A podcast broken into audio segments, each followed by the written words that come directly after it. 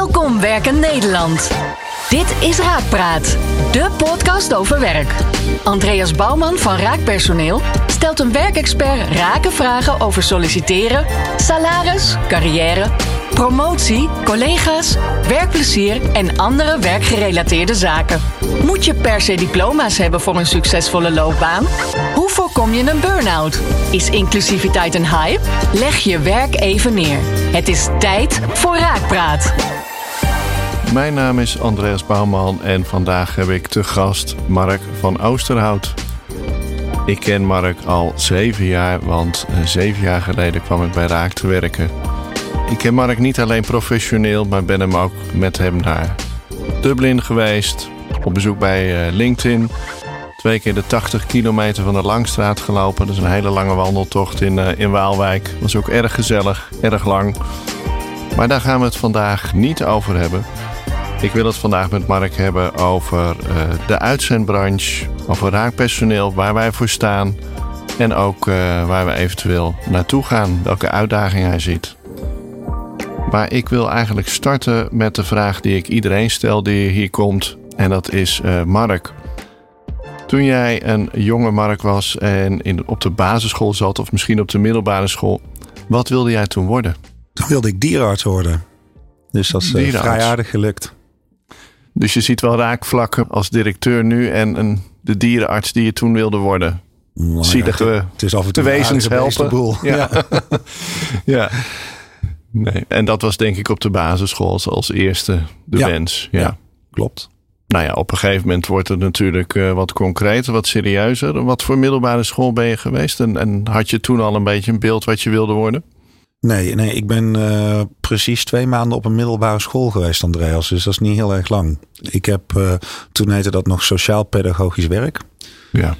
Uh, volgens mij heet het tegenwoordig anders agogisch werk of iets in die richting. Daar heb ik, ik geloof, drieënhalve maand doorgebracht. En toen was ik 16 jaar en twee maanden. En toen ben ik gestopt met school. Ja, en dat was nou ja, min of meer je, eigen keuze, kan ik dan voorstellen. Ja, dat ja. was mijn eigen keuze. In die tijd ja. uh, mocht je met 16 jaar stoppen met school, kon je gaan werken. Had je nog wel een handtekening nodig van je ouders om te stoppen met de opleiding, maar dat was het dan. Ja. ja en jouw ouders zetten die uh, handtekening met alle liefde? Nou, met alle liefde weet ik niet, maar uh, ze waren er wel klaar voor en klaar mee, zeg maar, met wat die opleiding met zich meebracht. Ja. Ja, ja. Ik was daar niet op mijn plek. Nee. En toen ja, moest je dus zonder al te veel, zonder een al te indrukwekkend cv, moest je op de arbeidsmarkt begeven. Uh, of ging je toen eerst wat anders doen? Nee, ik, ging, ik moest wel gelijk gaan werken. Dus ik ben wel gelijk uh, werk gaan zoeken. Ik vond zelf wel dat ik een heel mooi MAVO-diploma had. Met allemaal vakken op D-niveau. Maar goed, ik begrijp dat jij er niet heel erg van onder de indruk bent, uh, Andreas. Het waren ook de meeste werkgevers niet overigens. Dus uh, nou ja, ik kwam terecht bij, het, bij uitzendbureaus. Ja, ja uitzendbaantje. De meeste mensen doen na de MAVO, wat nu VMBO is, toch een vervolgopleiding naar richting, uh, uh, richting een vak, denk ik zo. Tegenwoordig is het verplicht. Ja. Dus tegenwoordig ben je verplicht om uh, als jongere een, zoals dat heet, een startkwalificatie te behalen. En dat is een minimale afgeronde MBO-opleiding niveau 2. Ja. ja. Dus jij ging aan de, aan de slag. En wat was toen jouw eerste baan? Waar kwam je terecht? Ik kwam terecht in een uh, fabriek waar ze plastic CD-hoesjes uh, maakten. Die mocht ik sorteren. Klinkt niet heel uitdagend, maar misschien vond je het, ja. Wat, wat, wat vond je er toen van? Nou, het was natuurlijk uh, eentonig werk. Het was een soort lopende bandwerk. Dus in de eerste instantie kan je je voorstellen dat het niet per se een hele plezierige dagbesteding was. Wat wel een heel groot verschil maakte, is dat ik na de eerste week uh, gebeld werd door het uh, uitzendbureau dat ze me graag nog een aantal weken terug wilden. En ik kreeg ook opslag, ik kreeg er een paar gulden bij als ik nog een paar weken extra zou blijven. Dus ja. wat ik wel heb ervaren, ondanks dat dat werk natuurlijk geestdodend was en me, me weinig voldoening gaf, is dat het wel als dat ik als mens wel als heel nuttig werd ervaren en daar dan dus ook voor beloond werd. Dus ja. je, je haalde er eigenlijk meer voldoening en motivatie uit toen bij dat werk dan voorheen op je schoolloopbaan, uh, om het zo maar te zeggen. Ja, daar was niemand blij met me. Nee. nee maar jij ook niet. Nee, ik ook niet. Nee. En, en hier waren ze tenminste nog dermate blij met me dat ze ook bereid waren ook een paar gulden per uur nog extra te betalen. Dus het was wel een hele nieuwe ervaring ja, voor me. Bleef je daar lang zitten of hadden ze toen wat anders voor je? Ze hadden eigenlijk gelijk wat anders voor me. En wat het ook natuurlijk met me deed, is ik had die, die dames op uh, dat, dat uitzendbureau, het waren dames. Die snapten natuurlijk ook wel dat het gewoon geen leuk werk was. Dus die ja. vroegen mij netjes om die klus ook echt af te maken. Het was een batch met producten die verkeerd waren gegaan. Dus het moest gewoon opgelost worden. En daarna zou dat werk afgelopen zijn. En beloofde me ook van, nou, als je dat netjes afrondt, dan gaan wij gewoon zorgen dat we snel weer wat anders voor je vinden. En we gaan ook ons best dan doen om uh, ja, wat leukers voor je te vinden. En dat is toen gelukt. Die, uh, die afspraak hebben ze kunnen waarmaken. Die hebben ze, dus hebben, ja, ja. Misschien weet je dat niet meer precies, maar heb je toen verschillende dingen gedaan bij dat uitzendbureau? Of ja. hoe is dat verder gelopen? Allerlei dingen gedaan via uh, dat bureau. De meest, meest gekke dingen van uh, voor natuurmonumenten in een uh, vossenpak in de Loonse en Drunense duinen liggen. Omdat kinderen daar een speurtocht aan het doen waren tot aan in Excel beursoverzichten maken van uh, verkochte schoenzolen. Ja. Nou ja, uh, echt van alles. Kantoorwerk, productiewerk, horeca, themafeesten. Dus ze dachten ook wel van, nou ja, maar daar kunnen we overal voor inzetten. Die, ja, uh, ja was ook bereid ja. om alles aan te pakken voor ze. En heb eigenlijk mezelf wel op die manier natuurlijk ook leren kennen. Dus voor mij was het heel nuttig. Ja, dus je leerde jezelf ook van een andere kant kennen. In de zin van, hey, ik Dingen waar je goed in bent en dingen waar je minder goed in bent. Ja. En kreeg je toen ook wel een indruk van, goh, ik, nou ja, je hebt dan in het Vossenpak gelopen. Nou, dat is toch met mensenwerk. Je hebt uh, achter een uh, scherm gezeten. Had je toen ook al een bepaald idee van, nou, ik wil meer met mensen gaan werken. Of ik wil meer iets commercieels gaan doen. Of ik, had je daar ook al een beetje, begon dat een beetje in te dalen van waar jouw passie lag? Ja, gedurende, gedurende dat jaar uh, kwamen er natuurlijk allerlei dingen voorbij. En uh, uiteindelijk wist ik wel van, joh, ik, ik wil wel iets doen waarbij ik met mensen werk, dus waar contact is. Ook iets wat wel enige impact heeft binnen een bedrijf. Dus nou heeft dat eigenlijk iedere job wel. Maar ik vond het wel echt leuk om ook wel direct resultaat van dingen te zien. Dus uiteindelijk langzaam maar zeker kroop ik wel naar uh, wat meer commerciëlere uh, jobs. Ja. ja. Nou, en ik weet dat jij uiteindelijk ook bij een uitzendbureau intern bent gaan werken. Hè? Dus mm -hmm. als Mhm. Recruiter, denk ik. Uh, junior intercedent. Junior intercedent, ja. ja. Het heeft vele namen, maar junior intercedent. Ja, hoe kwam dat en bij wie was dat? Nou, dat, dat was eigenlijk voor het bureau waar ik als laatste voor, uh, voor had gewerkt een, een hele poos. Ik had toen al wel bedacht van, ze hebben mij uh, natuurlijk fantastisch geholpen. Als je met 16 jaar van school afkomt en nou ja, ik was dan ook nog wel een, uh, een puber met uh, allerlei, uh, allerlei problemen. Ja. die varieerden van niet naar school gaan en allerlei middelen nemen als je heel jong bent, waar je niet helder van gaat, gaat denken en iets van je leven gaat maken. Dus dat was allemaal naar de achtergrond verdwenen. En had ik wel echt ervaren. Veel weet je, werk kan ook wel echt iets anders voor iemand betekenen dan alleen maar salaris. Het gaat ook over zingeving en structuur en over, over nuttig zijn. En ik hoop uh, voor velen van ons hier gewaardeerd voelen. Ook al is dat dan uh, CD-hoesjes uh, uitzoeken. Ja. Um, dus ik had bedacht van nou, wat zij eigenlijk voor mij hebben gedaan, dat lijkt me nou eens fantastisch om dat voor anderen te kunnen doen. Dus daar lag wel echt voor mij een soort nou ja, toekomstbeeld van dat wil ik graag doen. Ja. Ik heb dat ook voorgesteld destijds. Oh, je hebt het zelf voorgesteld. Ja, ja. en um, ik weet nog, ik heb inmiddels nog contact met de dames, want een aantal daarvan werken bij Raak inmiddels. En uh, dat één iemand zei van ja, nee, je moet eigenlijk nog eventjes wat meer ervaring uh, opdoen. En uh, dan valt er wel over te praten. En de echte reden was uh, dat ze gewoon ook in die tijd niemand beschikbaar hadden. Ik praat over 99, 98. En ze me eigenlijk gewoon ook niet kwijt wilden als uitzendkracht. Dus uh, uh, me nog een poos langer hebben uitgezonden. En bij een opdrachtgever, zoals dat dan ook vaak gebeurt, op contact werd genomen. En toen ik daar twee jaar later dacht van nou, nu wordt het wel eens tijd om het anders te gaan doen ben ik terug uh, dat bureau ingelopen. En nou ja, uh, ze bleken dus een plek te hebben, zoals dat toen nog heette, voor een, een junior consultant. Eigenlijk meer een soort vestigingsassistent. Ja, precies. En leek dat er een beetje op wat je daarvoor had gedaan, die twee jaar? Was dat ook een administratief-commerciële functie? Ja, ja, ja, was een commercieel-administratieve ja. functie. Die had ik daar, daarvoor gedaan. Dus, dus dan hebben we het over 2000, dat je in de uitzendbranche... November 2000, ja. ja. En hoe lang heb je feitelijk het werk als intercedent gedaan? Ik ben in 2000 begonnen. Ik ben in 2004 ben ik uh, vestigingsmanager geworden. Wel bij een andere uh, uitzendorganisatie dan ik aanvankelijk was uh, gestart. Ja. Dus ik was daarmee toen ook de, de jongste vestigingsmanager van... het bedrijf bestaat niet meer, Dactylo, Dactylo Nederland. Maar goed, was natuurlijk ook nog steeds wel aan de operatie aan het werk. Wat sprak je aan? Kon je inderdaad mensen zoals jij zelf helpen? Was, was het werk wat je ervan had voorgesteld? En zijn er bepaalde bemiddelingen die je zijn bijgebleven? Nou, er zijn een heleboel vragen in één. Ja. Het werk wat ik me van had voorgesteld uh, ten dele, omdat uh, waar ik vrij snel achter kwam, is dat het een heel hoge competitieve markt was. En het vaak niet echt om mensen ging, maar vooral om cijfers gaat. Ja. En dus het is toch een beetje hè, zo, zoals je ook mensen aan de deur krijgt om stroom te verkopen, zeg maar. Dat was een groot gedeelte van het werk. Dus veel trekken en veel acquisitie. Waarbij het dan uh, vaak gaat over keiharde onderhandelingen. En, uh, en niet per se over ik ga nou eens iemand heel blij maken met een baan. Uh, maar meer gewoon het binnenhalen van een bepaalde omzet. En daar doelstellingen bij krijgen, zeg maar. Dat heb ik in het begin heel erg ervaren. Dat dat wel, dat vond ik wel heel anders dan ik had verwacht. Tegelijkertijd kon ik er ook mee omgaan. Want ik heb dat toch een aantal jaren gedaan dus dat was wel wat me, eh, waarvan ik snel merkte: oké, het, gaat, het gaat eigenlijk in alle eerlijkheid echt niet om mensen hier. Het gaat hier om cijfers. En dat was natuurlijk niet mijn uh, echte intrinsieke beweegreden. Tegelijkertijd vind ik ook wel dat bedrijven natuurlijk waarde moeten creëren en dat daarvoor betaald moet worden. Anders dan ja, ben je geen, geen gezonde organisatie. Um, bemiddelingen die me zijn blij, bijgebleven. Ik heb tal van bemiddelingen die me zijn uh, bijgebleven. Mm -hmm.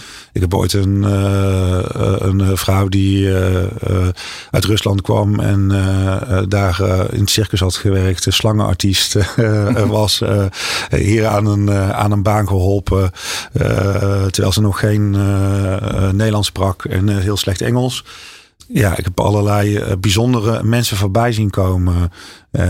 en heb ook dingen zien mislukken natuurlijk. Ja, je noemde dat zelf ook wel, dat het qua verwachtingen niet helemaal was wat, wat je er toen had voorgesteld. En ik kan me ook zo voorstellen dat er altijd een soort spanningsveld in is tussen een snelle bemiddeling en de klant helemaal tevreden stellen hè, met de ideale kandidaat. En die kandidaat die niet helemaal in dat plaatje past. En ja, waar je misschien wat meer tijd in zou willen investeren.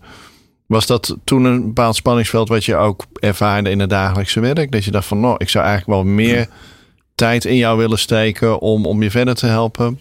Ja, nou absoluut. Je, werd voortdurend van je gevraagd uh, keuzes te maken uh, die direct leiden tot omzet.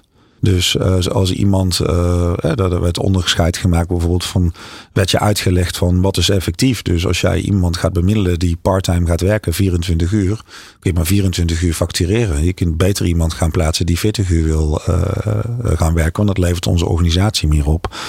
Dus de, dat spanningsveld, dus het constant eigenlijk niet kunnen doen voor mensen wat, je, wat in je hart ligt. En dat is gewoon die mens mm -hmm. willen helpen. En natuurlijk ook je opdrachtgever. Maar in de basis kan mij het eigenlijk heel weinig schelen. Of dat ik een vacature vervul voor 24 uur of voor 40 uur. Ik wil hem gewoon vervullen. En goed. Ja, ja daar, ging het, daar ging het bij de corporate echt niet om. En is dat ook een van de belangrijkste beweegredenen geweest om in 2009 voor jezelf te beginnen? Om raak te starten? Absoluut. En een um, andere beweegreden was ook wel dat um, uh, bedrijven over het algemeen uitgaan van uh, constante groei. Nou, als je nou iets weet van economie, dan weten we allemaal dat de economie nooit constant groeit. Dat er altijd recessies zijn. Dus dat betekent dat er periodes van krimp komen. In die periodes van krimp uh, de, zijn er veel bedrijven waar ik voor heb gewerkt. Eigenlijk allemaal waar ik bij een dienst ben geweest. Die willen tijdens die periode van krimp blijven groeien. Ja. Dat vind ik nou niet per se heel erg één zijn met uh, de wereld rondom je heen. En dat resulteert dan dus vaak in massa-ontslagen, mensen onder druk zetten, reorganisaties, die in mijn optiek uh, helemaal niet nodig zijn. Denk nee. je met elkaar. Uh, Want nou, je hoort het nu bijvoorbeeld hè, in de techsector uh, vliegen de ontslagen je om de oren met, met duizenden. Ja. Het gaat vaak om Amerika dan wel. Maar hoe heb je dan een bedrijfsvoering dat je kunt, hè, als het economisch tegen zit, wel je personeel kunt behouden en wel je Nou, als het goed is, heb je als bedrijf, zoals het heet, gewoon een eigen vermogen om dat soort periodes uit te zitten.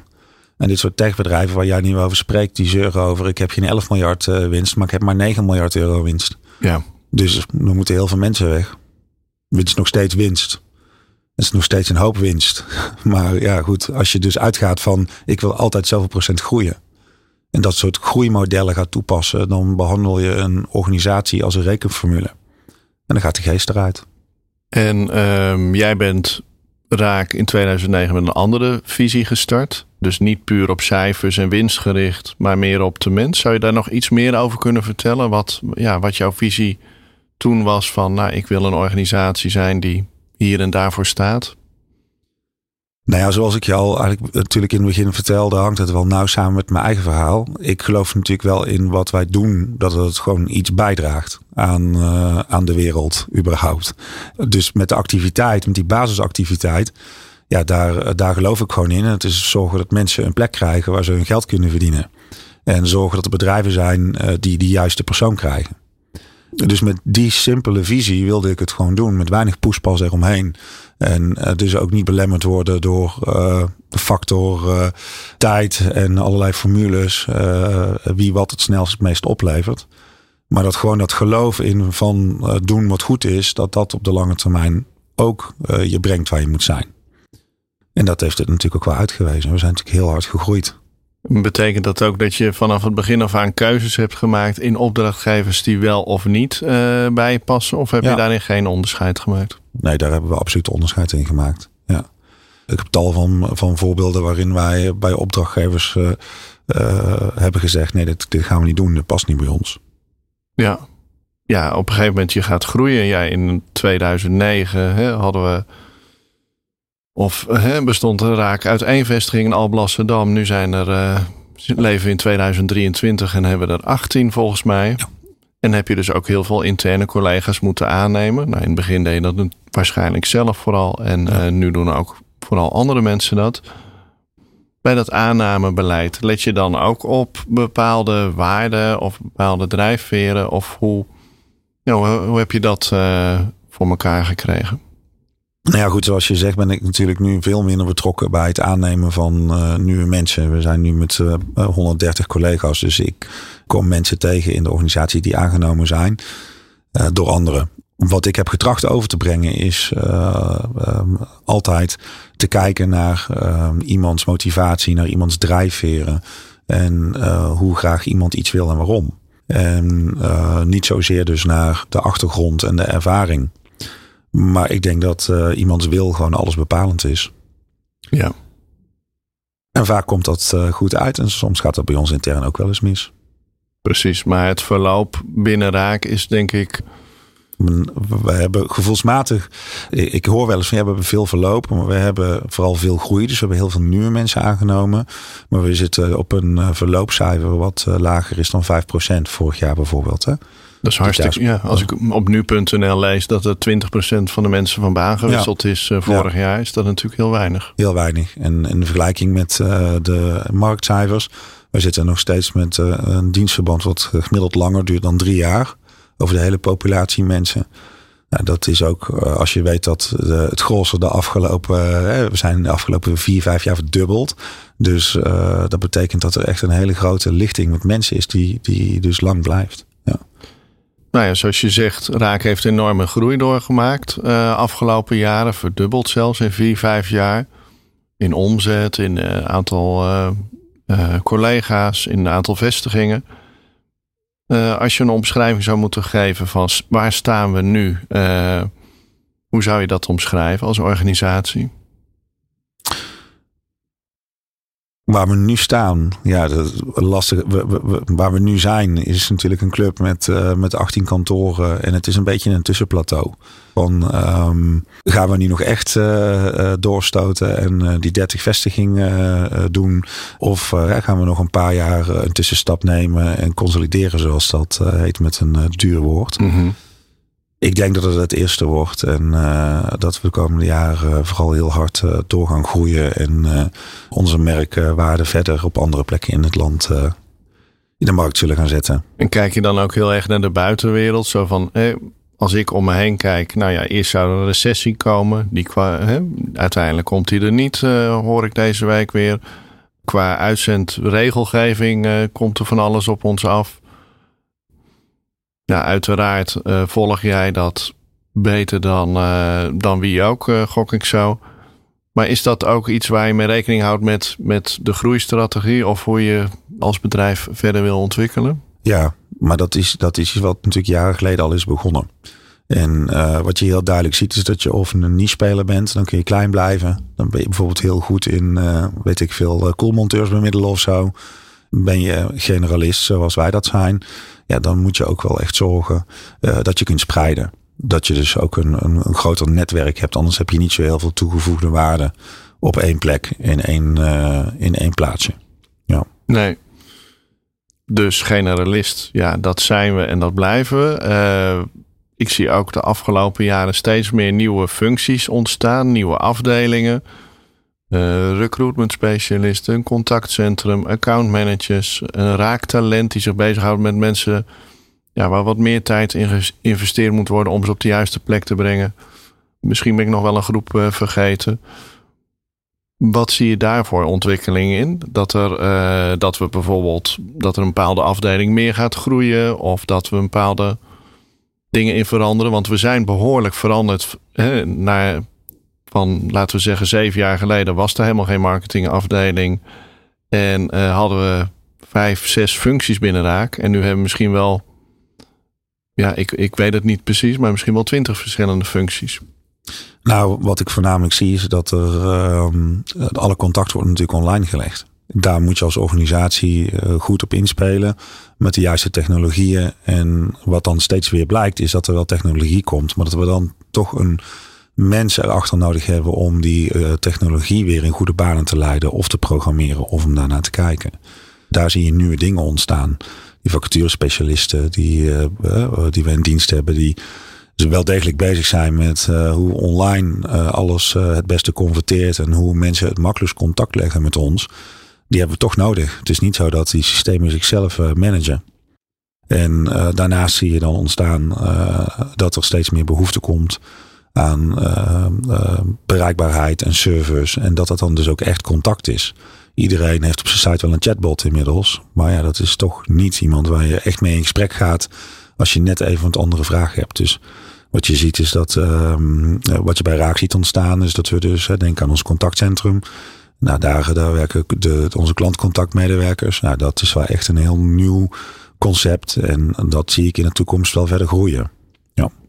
Wat ik ook vaak zie, of hè, als ik om me heen kijk en ik zie bijvoorbeeld Coolblue, dan is het een soort ontwikkeling van aan de ene kant hè, wordt er steeds meer gemak geleverd, steeds meer service aan de andere kant proberen ze ook steeds persoonlijker te zijn. Dus als je dan via de app bestelt en je komt in de winkel je spulletjes ophalen, dan zie je daar ook al je, je naam staan. Alsof het een, nou ja, een buurtwinkel is als het ware. Maar dat is natuurlijk ook een soort van wrijving geeft dat. Aan de ene kant steeds meer online gemak leveren. Aan de andere kant ook weer dat persoonlijk contact leveren. Dat is denk ik voor iedere ieder bedrijf een, uh, een uitdaging. Ja, nou nee, ik denk voor, voor ons in het bijzonder. Want wij, uh, uh, ons werk gaat over menselijk contact. Hè? Dus als echt computer kon selecteren. Ja, ja dan, en dat kan die al heel lang. En banensites en cv-sites bestaan toch ook echt al meer dan 25 jaar. En toch hebben die, hebben die niets overgenomen van ons werk. Nee, en hoe meer er uh, tools er ook komen, WhatsApp, uh, kunstmatige intelligentie, noem het allemaal maar op. Uiteindelijk zorgt dat niet voor minder mensen die er nodig zijn om dat contact weer verder uh, te begeleiden, lijkt het. Daar lijkt het niet op. Nee, de voorspellingen zijn natuurlijk heel anders geweest, ja. tien jaar geleden. En tegelijkertijd zijn er nu allerlei onderzoeken waaruit blijkt dat voor één robot weer twee mensen nodig zijn. Ja, dus precies. ja. Ik weet het niet komende jaren, ja, op onze website staat al een tijdje 2030, 30 vestigingen. Uh, we zitten in 2023 op dit moment. Wat zie jij in de komende zeven jaar als grootste uitdagingen voor? Nou, het zijn ook eigenlijk weer twee vragen in één, maar voor Raak en voor onze branche. Nou, de grootste uitdaging voor uh, onze branche uh, zal zijn om um, op het nieuwe speelveld wat ontstaat. Hè. Dus de afgelopen jaren is flexibiliteit is altijd het grote vraagstuk geweest. Daar is over nagedacht. Er zijn allerlei oplossingen voor gekomen. Variërend van uitzenden, payrolling tot ZZP. Nou, daar zie je nu in dat payrolling is sterk teruggedrongen. Daar zit eigenlijk geen flexibiliteit meer in. Ook naar de zelfstandigen zonder personeel. Die krijgen steeds meer regels opgelegd, waardoor dat het steeds minder flexibel is. En voor ons eigen speelveld, dus voor branchebreed, zien wij, dat, zien wij dat ook ontstaan. Dus dat de flexibiliteit die we altijd hebben kunnen bieden aan inlenende organisaties eigenlijk steeds verder beperkt wordt. Daarnaast voeren ze de kosten op. Dus ze willen het steeds minder lucratief maken om als organisatie een uitzender te zijn. Dus ik vaak hoor dat het steeds meer teruggaat naar, uh, hoe noemen ze dat ook weer? Piek en... Uh, piek en ziek. Piek en, en ziek, uh, ja, ja, precies. En dat zie ik mm, zeker als een uitdaging voor de branche. En ik vind het ook iets wat, nou ja, dat, dat ze daar ook onze sector gewoon echt mee tekort doen. En zeker ook als ik terugdenk aan de tijd van de financiële crisis. Dat heeft de BV Nederland miljarden gescheeld. Dat zoveel mensen via onze uitzendsconstructie toch aan de slag konden blijven bij, bij bedrijven. En ook een, denk, een soort van instapfunctie. Want ik zag vorige week nog van onze collega Merel die op LinkedIn ja. plaatste dat ze een 64-jarige dame aan het werk hielp. Ik denk niet dat, die, dat we daar als bemiddelingsbureau natuurlijk ook een, een rol in spelen. Nou ja, alleen terugdenkend aan mijn eigen verhaal natuurlijk. Ja. Hè, door het feit dat ik een jaar lang allerlei uh, ervaring kon opdoen via een bureau, werd ik natuurlijk wel een steeds aantrekkelijkere kandidaat voor bedrijven om aan te nemen en later ook zelf in dienst te nemen. Dus daar zit een heel belangrijk stuk wat men vergeet, is dat wij een ontzettende uh, grote factor spelen in de toeleiding van mensen naar de arbeidsmarkt. Ja. ja.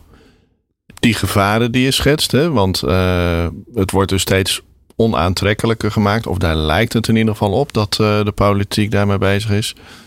Wat zou een antwoord van de sector daarop kunnen zijn? Is dat dan ja, die toegevoegde waarde nog beter uitleggen, zodat die regels toch anders worden? Of wat is, wat is daar precies een antwoord op? Nou, ik zit daar heel tweeledig in. Want uh, van de ene kant vind ik het dat ze het steeds duurder maken, dus dat het, dat het product duurder wordt.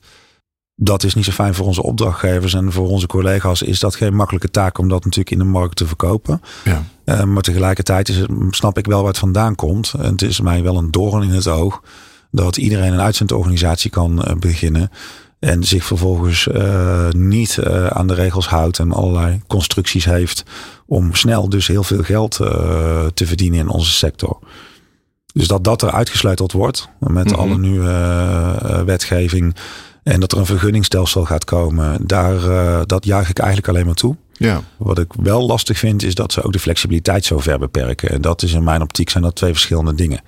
Daar is gewoon vraag naar. En als je dat dus kwalitatief en eh, goed met elkaar invult, uh, dan is dat uh, voor alle partijen, naar mijn idee, voordelig. Dus um, een ander ding wat we zeker moeten doen, uh, en dat wordt ook van ons verwacht, is van je verdient aan de arbeidsmarkt, dus je geeft ook terug. Nou, dat ja. is natuurlijk iets wat wij zelf ook doen hè, al, al, al, jaren, zonder dat die regels er zijn. onder andere via Raaktalent. En de gelden die wij zelf ook beschikbaar stellen vanuit onze winst om mensen dus op te leiden.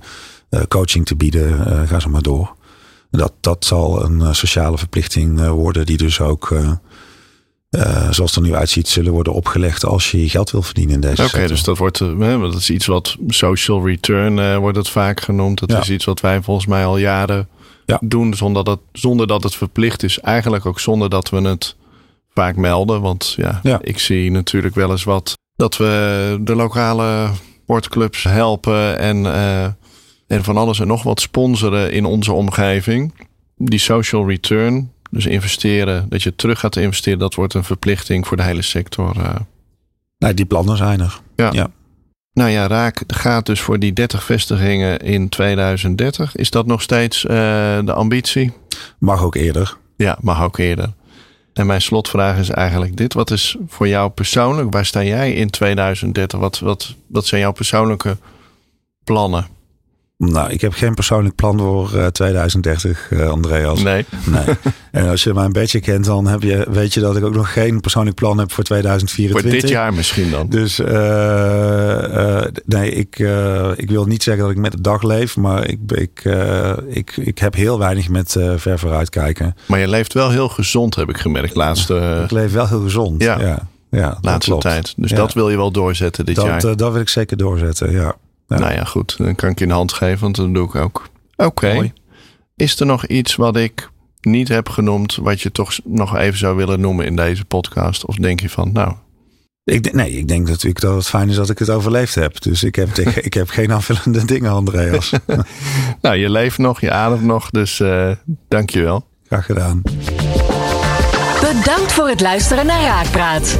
Binnenkort weer een nieuwe aflevering met Andreas Bouwman en een verse werkexpert. Meepraten? Check de show notes en abonneer je op onze podcast. Werk ze!